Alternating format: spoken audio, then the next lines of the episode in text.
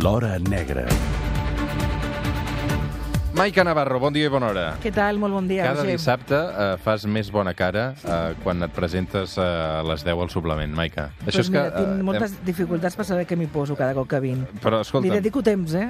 però perquè Sí. això vol dir que cada divendres vas a dormir més d'hora. Perquè saps que l'endemà t'has de, eh, has, de, has deixat d'anar als bars divendres a la nit. Maica, Els bars, com els carrers, seran sempre nostres.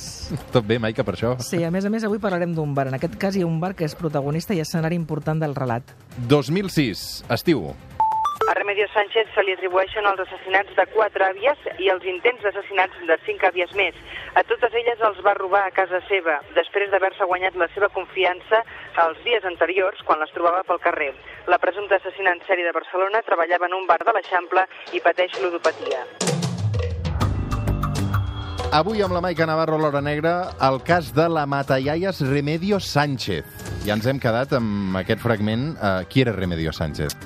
Doncs la Remedio Sánchez era una noia, una dona que va néixer al 57 a- en un poblet, una aldea de, de, de, la, de, la, de la Corunya i a Galícia.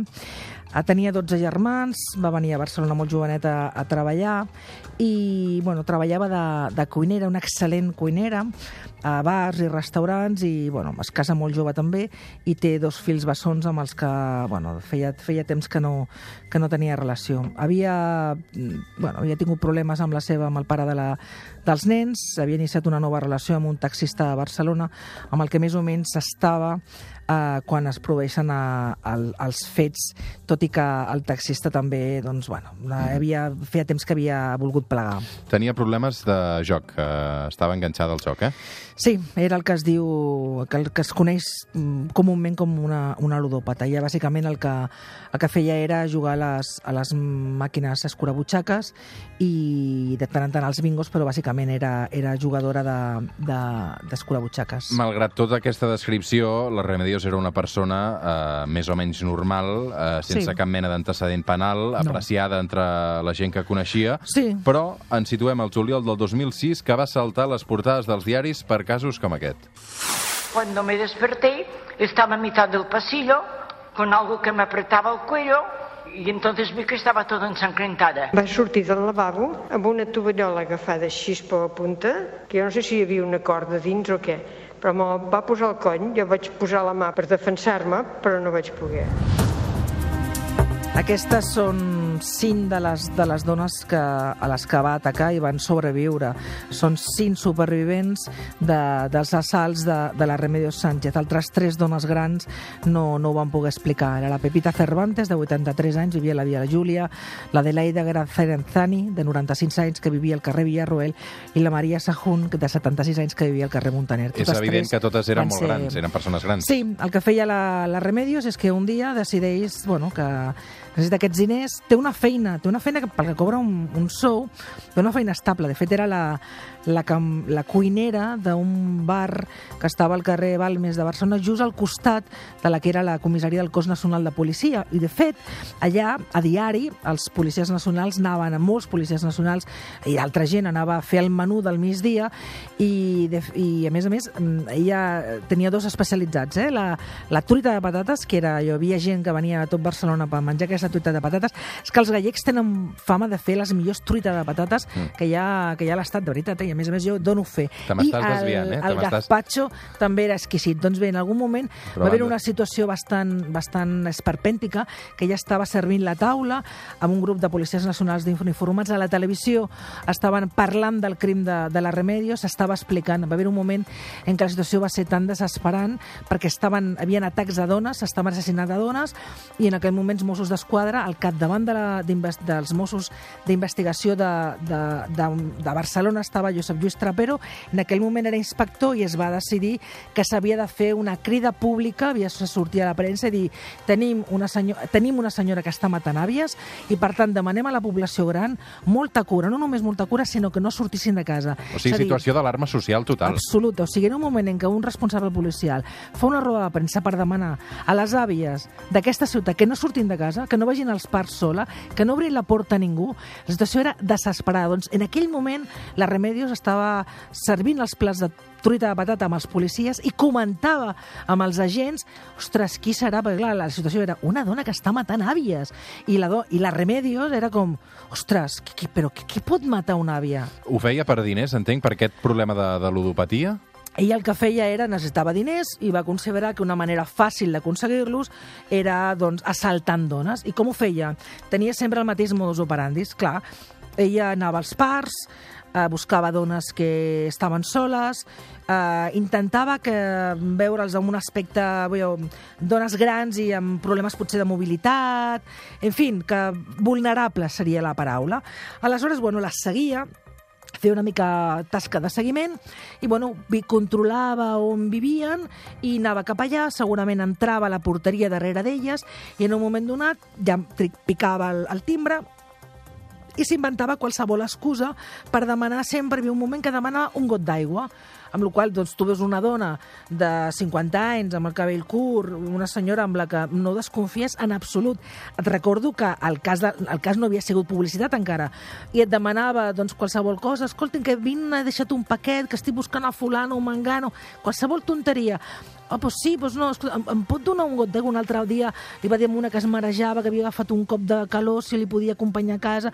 I la gent, que, que som bona gent en general, tothom, el li feia entrar. En el moment que li feia entrar, a la que descuidava sempre per darrere, els agafava pel coll i les assassinava amb, doncs, amb molta violència. Algunes es van intentar resistir i els escenaris que es van trobar els Mossos amb aquelles víctimes tan grans van ser especialment dolorosos. Què Aquí- s'emportaven? Les quatre joies que havia que trobava per sobre i fixa't, moltes d'aquestes dones guardaven monedes a la, doncs a la cuina, amb llaunes, eh, qualsevol... no gaire amagats. Doncs això és el que s'han deia. Aquest és el retrat de la Matallaies de la Remedios Sánchez que en fa la Maica Navarro. Ens has explicat que els Mossos eh, fins i tot van fer una compareixença eh, demanant precaució, avisant la gent gran, eh, perquè evidentment hi havia una alarma social important. Um, com s'ho fan els Mossos per, per arribar fins a la Remedios? Doncs bé, um, el que es fa aquesta compareixença de premsa, que jo recordo haver parlat amb el Josep Lluís Trapero. Aleshores, ell era inspector, era no? inspector de Mossos i en aquell moment era responsable de la investigació a la ciutat de Barcelona. Ell portava robatoris, homicidis i totes les unitats d'investigació depenien d'ell directament. I va ser una decisió molt difícil, perquè clar, tu li has de dir a la teva població que, no, que les senyores grans, o sigui, ell té mare, jo tinc mare, o sigui, que no havien de sortir de casa perquè els podia passar a qualsevol mare, perquè era, estava en una situació de perill i a més la, la, la impotència que tens com a policia de que no les pots protegir perquè no pots posar un policia al costat de cada àvia doncs era molt gran, molt gran bàsicament, va ser un moment molt complicat. Què va passar? Hi ha una de les víctimes que és, que és fonamental, o sigui és l'Alicia, viu a Sant Andreu al costat de la parada del metro i allà fa el mateix, entra, eh, entra, eh, entra a l'accés, demana també aquest got d'aigua, per darrere eh, la, la intenta, eh, la intenta doncs allò eh, ennuegar amb les mans i en aquell moment l'Alicia aconsegueix cridar. El que no sap la Remedios és que el seu el marit d'Alicia és dins de casa en una habitació perquè és un pis molt gran. Al sentir els crits de la- l'Alicia l'home surt, aconsegueix clavar-li uns quants cops de puny a la Remedios i aquesta fuig corrent. Què van fer els Mossos? Teníem un atac de la Remedios, per la descripció de la parella era indiscutible que estàvem parlant de la mateixa dona perquè les supervivents ja ens havien donat una descripció de qui buscàvem. I però clar, coincidia. teníem una descripció, però qui podia ser? Vam buscar entre... No tenim tantes jo, agressores de dones amb aquesta violència, a més, atacs amb les mans. O sigui, la, hi ha moltes maneres de matar, però quan mates amb les mans estàs tocant, i tocant amb algú que no coneixes, que no tens res en contra d'ell, i que a més a més és una persona tan vulnerable, és d'una crudesa i és, d'una, és, és molt dur. Per tant, havíem de buscar algú molt, algú molt perillós. I per tant, no, no havia en els arxius de la policia ningú amb aquest historial.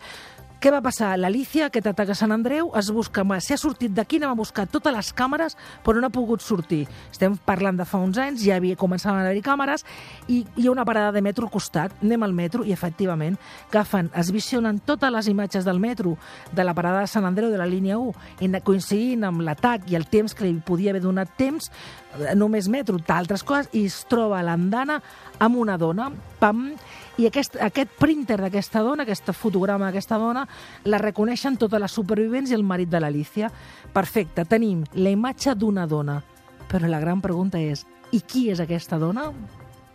Clar, tu tens la imatge al metro... No tenia antecedents. Bueno, tenia antecedents, tens una cara d'una senyora amb el cabell curt, amb una faldilla... Sí que veiem que té una lesió a la mà, té una mena com de vena, alguna cosa li ha passat a la mà. Després sabríem que és que s'havia cremat a la cuina, fent aquestes truites franceses. Però, ostres, qui és aquesta dona? I qui, pot la- ser? I qui l'acaba detenint... Vols que te'm dona temps d'explicar-te Sí, com sí, arribem explica, d'ella? explica, Vale, explica. doncs ja teníem aquesta cara i què fa? Fa un altre salt. Fa un altre salt al carrer Urgell. al carrer Urgell. En seguida eh, ja se sabia que els, els, qualsevol vi- És a dir, ella, una... malgrat eh, l'assetjament dels, dels Mossos, en aquest cas, que, que, que, que comencen a descobrir la pista i haver Continua. comès ella aquest error tan gran eh, dins d'aquesta casa, eh, ella continua eh, atacant, eh? continua, continua fent alces, però se sent absolutament impune i que sap perfectament que, qui, per qui han de sospitar d'ella. Fa un nou Qui atac. Hauria. Fa un nou atac amb una altra dona amb un bloc de pisos al carrer Urgell. La gent de Barcelona i la gent que visita Barcelona sabrà que al carrer Urgell hi ha un bingo molt gran. Doncs bé, l'edifici era just davant d'aquest bingo li fa l'atac per les coses que s'emportava i era evident que el que feia era robava per diners. Fa l'atac i aleshores se'n van els Mossos al bingo del davant i, i, i, i tenen allò perfecte. Ella fa servir una tarja de crèdit, la tarja de crèdit que, li, que se l'emporta d'aquesta víctima la fa servir en el caixer del davant, tenen una altra nova imatge d'ella en el caixer, entra, intenta entrar en el bingo però no li deixen i en aquells moments ja amb aquesta, amb aquest, com que dona el seu nom en el bingo per intentar entrar, ja tenen una identitat, ja tenen, bueno, ja tenen més que ja sabien que era Remedio Sánchez, van cap a casa seva. I en aquell moment hi ha un operatiu que jo recordo d'una intensitat increïble a la ciutat en el que totes les, el Josep Lluís Trapero ordena que totes les unitats d'investigació, totes les patrulles, tothom se'n vagi a tots els llocs on hi hagi eh, màquines escuragatxeques, o de, escurabutxaques o fins i tot jocs de, de, de, de, de lloc es troben moltes borilles a les cases de les víctimes, per tant es sospita que fuma.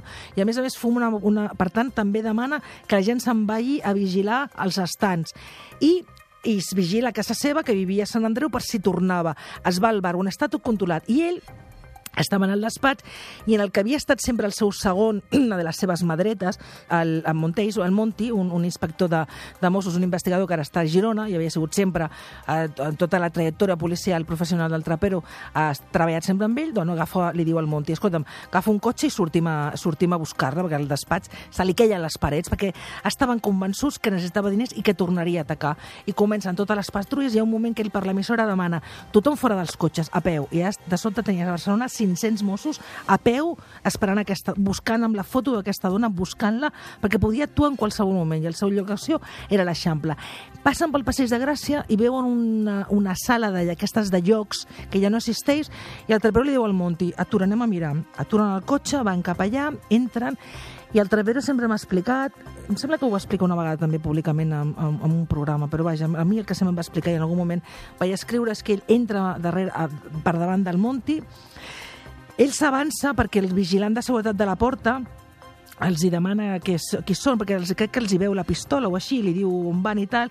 Mentre el Monti s'identifica com a policia amb el vigilant de seguretat, el trapero va, avança, se'n va cap a una màquina escurabuixaques, la veu i, i bueno, ella continuava ficant monedes, ja se li, li, li mira la cara i ella s'immutava, li diu, Remedios. I ella gira, diu, dime, però diu dime i continua. Remedios. Era Remedios Sánchez, ¿verdad? I ella coix, sí, sí, però ella no deixava de, de ficar monedes. De jugar. Diu, em pots acompanyar? A dónde? Remedios, vols venir amb mi? Soc policia, vols, vols venir amb mi?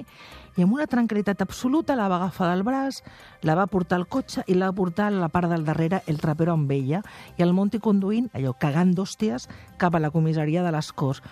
Li va demanar el bolso, va agafar l'agenda i es va, va veure que a l'agenda, a la part del darrere hi havia tres adreces. En aquell moment va trucar ràpidament al grup d'homicidis perquè ell recordava, recordava la primera víctima, que era la Pepita Cervantes, ell recordava que era Via Júlia, però era Via Júlia número, ara jo no ho recordo, estava apuntat Via Júlia número tal, i va trucar al despatx d'homicidis, no hi havia ningú, perquè tothom estava al carrer, però algú va agafar el telèfon, que havia tornat a agafar no sé què, i va dir, escolta'm, soc el- soc el- soc l'inspector Trapero, digue'm, si plau l'adreça de la primera víctima, de la Pepita, i Via Júlia número tal, i, Coincideix. diu, i es, el mirava, i ja el Trapero es veu que va, va parlar, diu, però era, estava com, com un altre món. Estava... I aquesta és la història de la Remedios Sánchez. Treballava en un bar fins a les 5 i mitja de la tarda, em sembla que era l'hora que plegava. Una vida normal, diguem en quant a que desenvolupava una activitat laboral, doncs sí, de fet vivia, no tenia els fills i estava separada, però vamos, sí, podria ser una vida que podríem dir que altres persones fan aquest tipus de vida, sí. Aquest era el retrat que feia el Josep Lluís Trapero, La aleshores inconfundible veu de. Josep Lluís Trapero. Sí, i a més a més també descobrirem ara la veu precisament de Remedios Sánchez que sempre va dir que ella era innocent. Yo sería incapaz de hacer algo así. Pero se lo vuelvo a preguntar.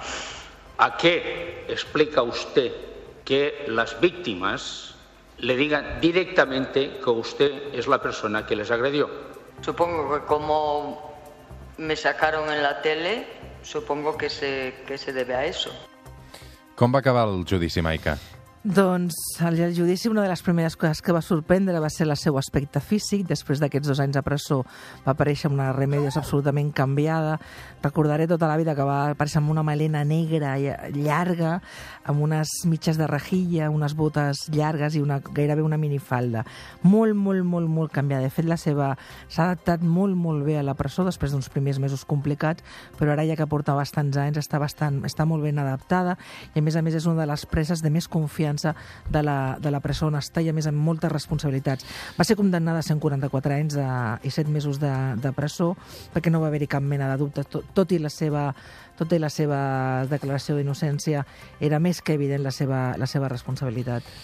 Doncs avui el cas de la Remedios Sánchez ens hem remuntat fins l'estiu del 2006, un cas que eh, amb el qual hi va participar de manera molt i molt activa eh, Josep Lluís eh, Sí. Trapero, que al llarg dels anys n'hem continuat, eh, n'hem continuat És parlant. que va Maica. ser, va ser casual, absolutament. I, de fet, ell no va voler explicar-ho i a mi em va prohibir que ho, no em va deixar que ho expliqués en el seu moment. Ja veig com ho estàs respectant. No, fins molts anys després, que sí que em va deixar, em va autoritzar a explicar-ho, però en el seu moment era molt, molt golós d'explicar que el, que el cap de la investigació l'havia tingut ell mateix. Però, bueno, és com és i no, no ens va deixar i, bueno, doncs, pues, va explicar després. Maica no, Navarro. Jo soc, no, jo soc una dona de bastanta paraula. Avui res de bingo, eh? Res de què? De bingo. Jo no jugo al bingo. Vas, no, Jugues vegada... a altres coses, tu. Jo jugo, jo jugo amb foc. Maica, una abraçada. Adéu. Pausa i tornem al suplement.